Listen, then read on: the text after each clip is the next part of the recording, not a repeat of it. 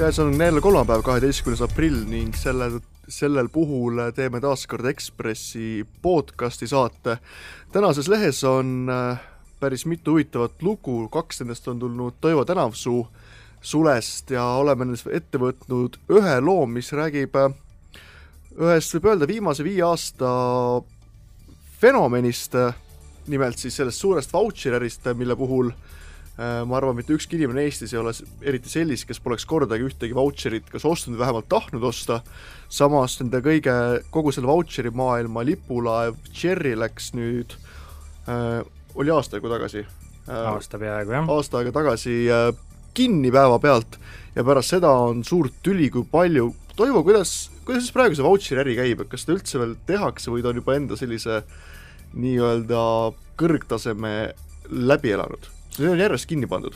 jaa, et tõepoolest, see, see turg oli väga-väga tulikuum siin aastaid tagasi, nüüd võib öelda, et see asi on nagu oma elukaare lõpus, noh, Cherry on üks näide, kuidas väga edukas ettevõte pealtnäha võib äh, kolinaga alla kukkuda.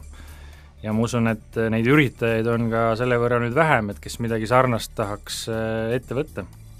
No kui ma vaatan siin, äh, et kuidas oli Cherry selline ärimudel esialgu, nemad pidid olema justkui selline turuplats, kus saavad ettevõtted pakkuda enda teenuseid, nemad võtavad sealt väikse protsendi vahelt ja kogu tege-, selline juriidiline asjaajamine käib siis selle kliendi ja siis selle ettevõtte pakkuja vahel. aga mingil põhjusel ikka kuidagi suutis Cherry endale kusagil jalga lasta, mis te, mis teil juhtus? no tõepoolest, idee on ju tegelikult väga kihvt, mida tahavad väiksed restoranid, väiksed juuksurisalongid, nad tahavad kliente. mida tahavad inimesed, nad tahavad oma kodu või töö lähedal väga häid pakkumisi. no a la poole hinnaga näiteks lähed restorani või poole hinnaga massaaži, no suurepärane. või siis noh, paremal juhul lendad paarisaja euroga kuskile Türki ja noh, superhinnad. ja Cherry siis äh, viiski need kokku, et kliendid ostsid vautšereid, see kaupmees oli valmis tegema suure allahindluse selle nimel, et need vautšeri omanikud siis tulevad äh, tema juurde noh, nii-öelda poodi või teda proovima ja lootuses, et äh, neile meeldib ja nad tulevad järgmine kord ja maksavad juba täishinna. ja niimoodi siis hakkas äh, vaikselt pihta, alguses oli üks pakkumine päevas mm, -hmm. siis oli juba kümme pakkumist päevas ja varsti oli terve selline portaal või niisugune terve pood internetis püsti pandud ja mis juhtus äh, seal äh, alguses tundus, et rahad liikusid äh, operatiivselt, ehk siis kaupmehele maksti teenuste eest Cherry poolt ära, vautšeri omanikud said oma, oma kaubad-teenused kätte, kõik oli ilus-kena. aga ühel hetkel siis tundus, et ettevõttel hakkas nagu käibekapitali nappima, hakati võtma riske selle nimel, et, et laiendada seda äri selle nimel, et teha see nagu atraktiivseks äh, võib-olla mõnele suurele tegijale, kes ta üle ostab, üles ostab. suurt valget laeva, jah? põhimõtteliselt küll, jah.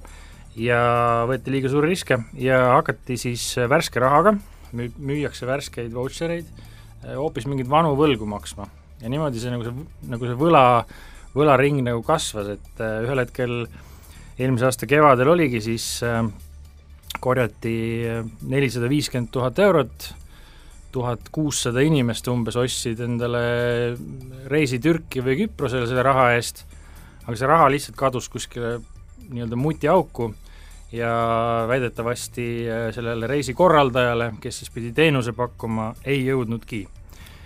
aga rahadega on Cherryl nagu keerulised lood, et siin võib spekuleerida, aga nüüd ongi alustatud äh, prokuratuuri poolt uurimist, et kuhu siis tegelikult raha kadus. aga kust need võlgnevused üldse tekkida said, selles mõttes, et kui sa oled lihtsalt nagu ütleme, selline turuplats, vahendaja, siis äh, sul ei tohiks olla seal mingit riske, kui okei okay,, kui sul nagu kaob ära teenusepakkuja, kes sulle tünga teeb, tegelikult pärast nagu vautšerite kasutajat ei äh, teeninda, siis on jälle, oli ju ilusti paika pandud, et see on äh, kliendi ja siis selle teenusepakkuja vahe, ka Tarbijakaitseamet on selle seisukohal et kas nad hakkasid, ma ei tea, mingit äh, muud kaupa tegema, investeerima kuhugi või kustkohast need võlglased tulla said üldse? või maksid ise ennal, endale üle või, või no kustkohast see tuleb? No vot, nüüd oleks hea võtta lahti need äh, nii-öelda konto väljavõtted ja vaadata, kuidas siis rahad tegelikult liigutati, aga siin omad nüansid on, noh ise Cherry endised juhid ütlevad, et äh, et mõned reisikorraldajad läksid näiteks pankrotti mm -hmm. nendest sõltumatult ja siis oli vaja teha otsus, et kas see turuplats võtab nüüd ise vastutuse ja maksab need rahad välja või öeldakse klientidele, et sorry, saite oma vautšerid, nüüd minge pöörduge sinna pankrotisse ettevõtte poole, mis te sealt iganes saate. siis äh, mingil hetkel ähm, arvati, et teenused on väga hea, aga hakkaks ka mingit kaupa müüma, noh, müüme seal mingeid madratseid või mööblit või, või midagi sellist, eriti usinad olid äh, Cherry Leedu haru äh, tegelased, kes noh, varusid nagu suured, suured laovarud ja, ja läksid nendega alt, sest osa madratseid oli äh, Äh, ebakvaliteetsed, äh, osa noh, tuli nagu tagasi saata, mingi osa lausa visati minema, mingi kaupa. kas see on taas ka selline tüüpiline üle Baltimaade ettevõtlusprobleem, et kõik on nagu ilus ja siis tulevad leedulased ja keeravad asja pekki? leedulased jah, olid need, kes tõid suure kahjumi väidetavasti sisse, tõepoolest ja aga jah, tegemist oli Üle Baltikumi ettevõttega, mille vautšeri käive parimatel aegadel küündis ligi kolmekümne miljoni euroni aastas, nii et äh, väga kobe ettevõte iseenesest. kes tal üldse, kas tuli seda jutuks, et kes neil üldse Kosjas käisid ja kui ma aru sain, ma ei tea, kas me tohime seda siin öelda, aga ka meie suur leivaisa oli, tahtis kunagi Cherryt äh, päris äh, kopsaka summa eest ära osta aga see tehing jäi katki, aga kas oli ka teisi selliseid tõsiseid ostuhuvilisi enne seda, kui see asi suure pauguga õhku lendas?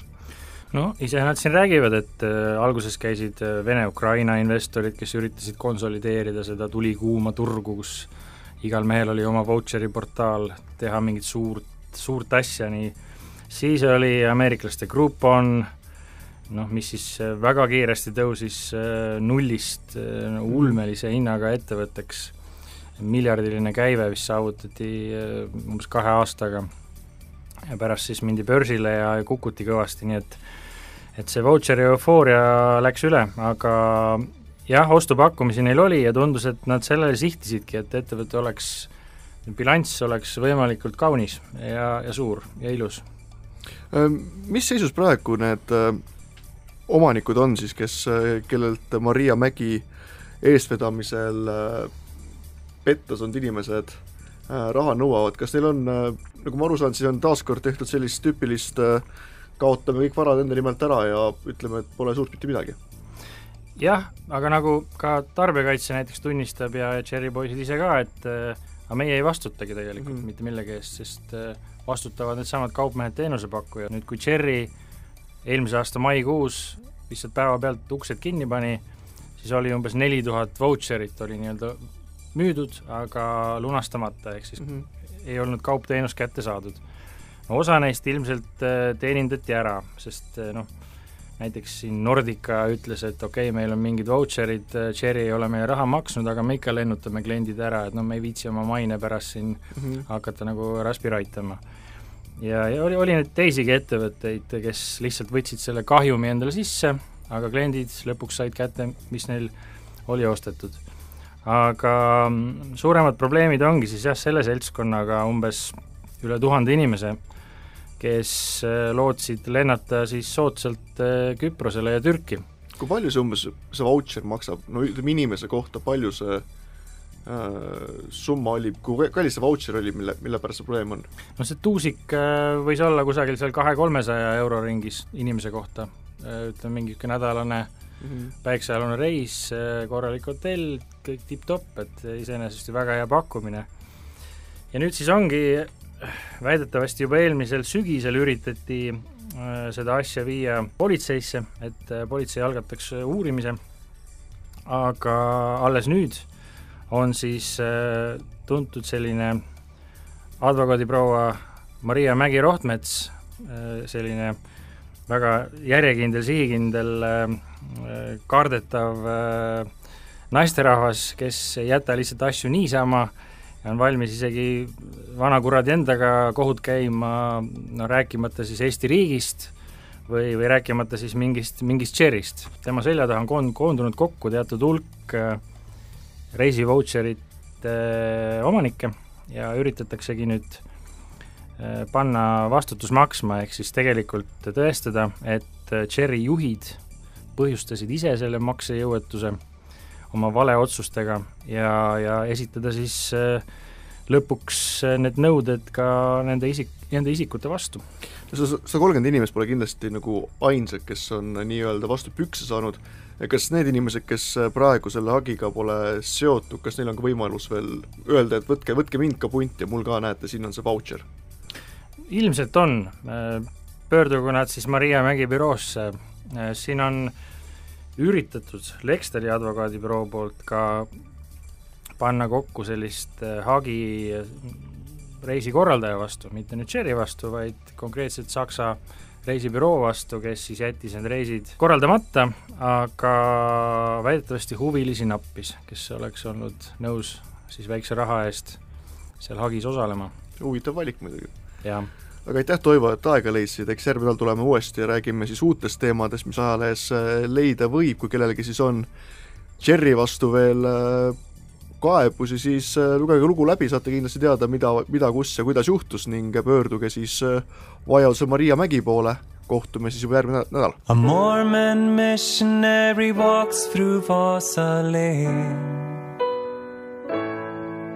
Through a clear as crystal Gothenburg morning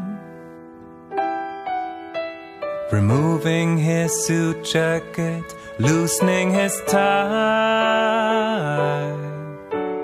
wiping the sweat from his neck and the sleep from his eye. It's 1997, the last morning of August. At the corner of 7 Eleven, he hears the broadcast.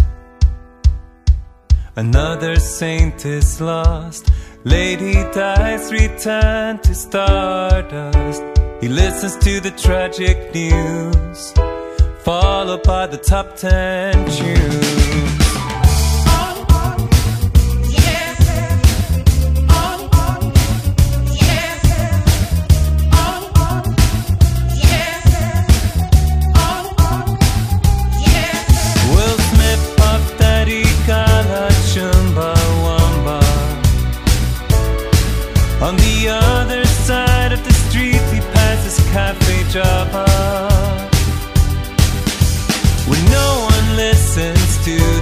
Oh, coffee and hair dyed raven black Also sure of everything Except one question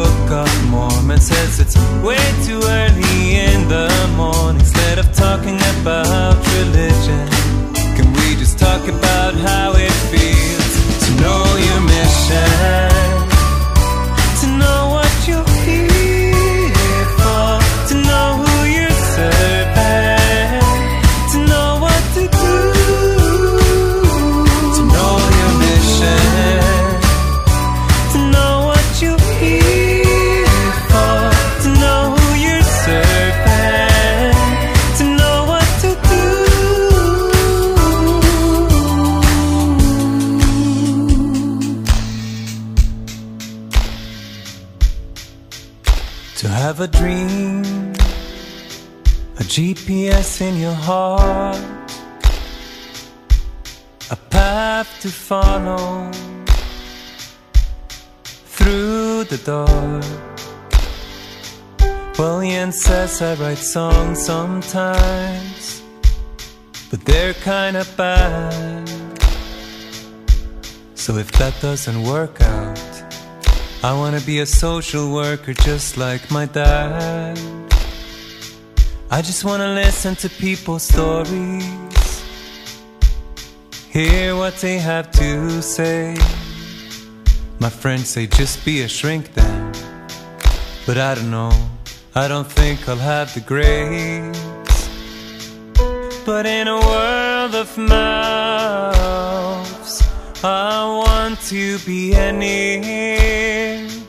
If there's a purpose to all this, then that's why God puts me here. No